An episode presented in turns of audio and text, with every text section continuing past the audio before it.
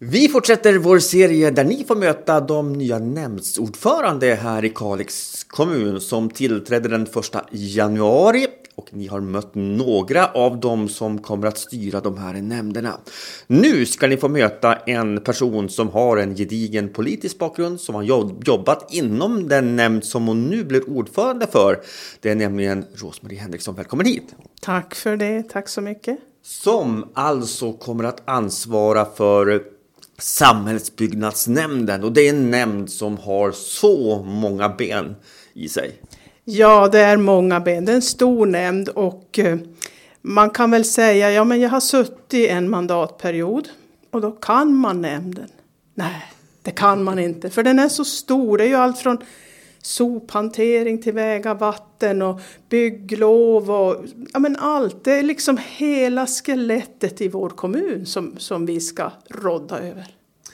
Berätta lite kort hur du kom in på den politiska banan.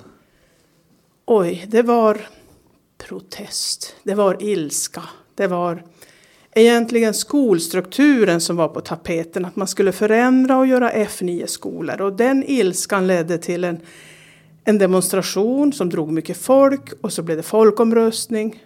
Och sen så var det bara att kliva in i politiken. För jag insåg att man kan inte sitta hemma och vara arg, man måste göra någonting. Och då blev det i skolvärlden som jag var politiker i många år. Hur är det att vara politiker idag i Kalix? Ja, jag tycker det är bra. Jag tycker det politiska klimatet är generellt sett bra. Vi har ju bra samtal. Om man tittar i fullmäktige som, som eh, befolkningen kan lyssna på, så där sker ju de politiska debatterna. Men tittar man i nämnderna som inte sänds ut på det sättet, där pratar vi ju mer sakfrågor. Och där är vi oppositionen lite mera samtalsvänliga och mera, vi kommer fram till beslut. Så jag tycker det är ett bra klimat. Jag tycker det är bra att vara politiker i Kalix. Vad är det bästa med att vara politiker?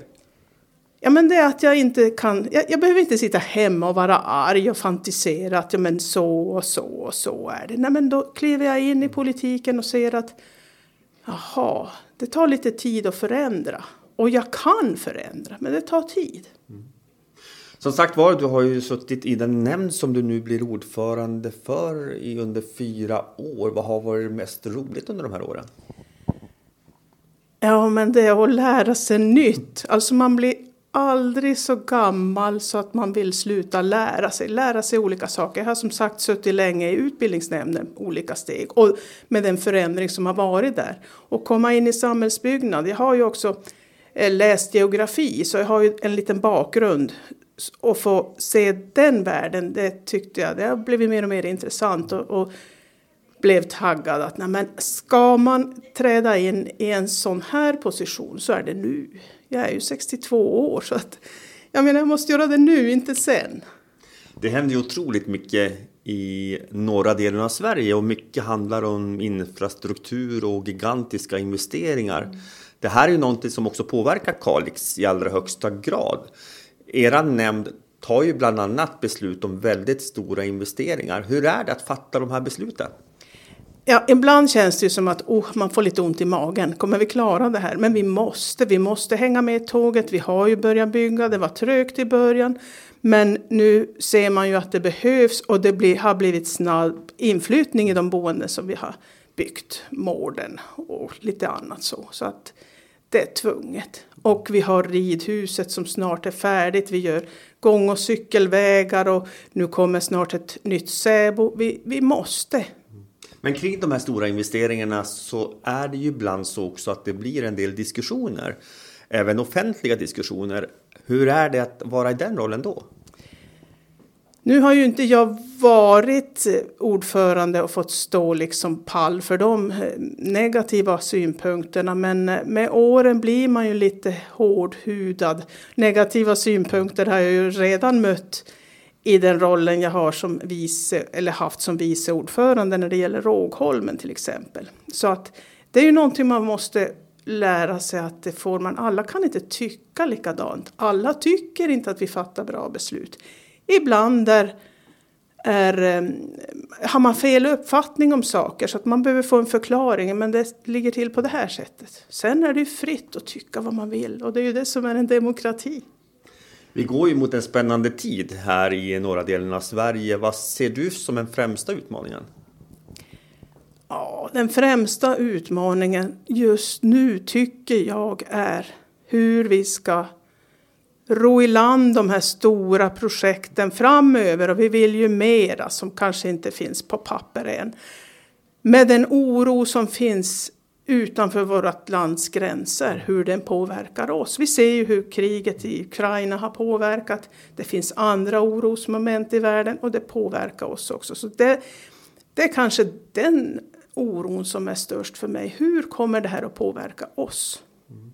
Om vi tittar på ett annat eh, aspekt, de, de grejer som är på gång i Kalix och den eh, närhet vi har. En av de absolut största investeringarna planeras ju Kalix med den eh, vindkraftpark då som mm. en extern aktör är intresserad av att bygga en bit utanför Kalix. Det här är en process som är långvarig men den kommer ju att bli rätt intensiv mm. under din period. Hur ser du på, på den frågan? Ja, det är en fråga. Vi har ju, vi har ju ställt en massa frågor givetvis till i, i, initialt om, om man, hur man tänker eh, Eh, parera för det och det och det. Man kan tänka packisen som jag har aldrig sett det själv men andra vet ju hur det kan vara långt ute. Hur kommer det att påverka? Hur kommer bottensedimentet att, att påverkas? För det vet vi att vi har en tung industri som som under tider har släppt ut saker som finns i bottensediment. Och det är klart att det, det, det vet vi ju inte, det får vi ju svar på så småningom hur det kan tänkas se ut. Själv är jag ju positiv. Om man ska välja energi så måste vi välja det som vi idag kan tänka är det minst skadliga för oss alla. Och då tänker jag att havsbaserad vindkraftsenergi är bra utifrån den synpunkten. Jag ställer den här frågan dels bara för att visa hur komplext det är att sitta som ordförande i en nämnd. Mm. För det är så otroligt många detaljer som ja. ni ska ta hänsyn till. Ja, det, det är otroligt mycket. Och det, och det kommer bli en resa att sätta sig in i, i alla de här grenarna av verksamheten på ett, på ett djupare plan. Så det, visst, det är många små och stora saker. Mm. Mm. Vi pratar om stora investeringar. Nu är inte alla politiska beslut fattade såklart. Den eh, nya Eh, styret ska ju nu, bestämma lite grann vad som händer och sker, men det är mycket på gång i Kalix. Ja, det är mycket på gång, absolut, det är, så är det. Vad ser du mest fram emot i, i ditt jobb här som ordförande? Att driva utvecklingen åt, mot det hållbara, det hållbara samhället. Det är min min tanke om mitt ledarskap, att det ska synas att vi ska gå in i det hållbara samhället än mer. Det gör man, man jobbar på det viset. Men jag vill, jag vill göra det ännu mer. Vi måste ha ett hållbart samhälle ur alla aspekter. Så det vill jag att det ska kunna synas under mitt ledarskap. Jag har pratat med eh, några andra ordförande då och eh, ställt samma fråga till dem. Kan man tänka sig ett ökat samarbete mellan de olika nämnderna? I Kalix kommun. Hur ser du på den frågan?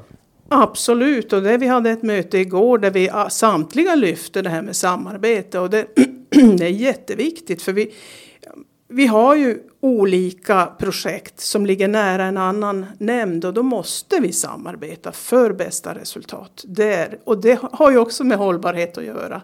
Vi ska kunna se alla delar och vi, vi, vi har bara en hjärna, men flera tillsammans, då får vi flera tankar och kunskaper.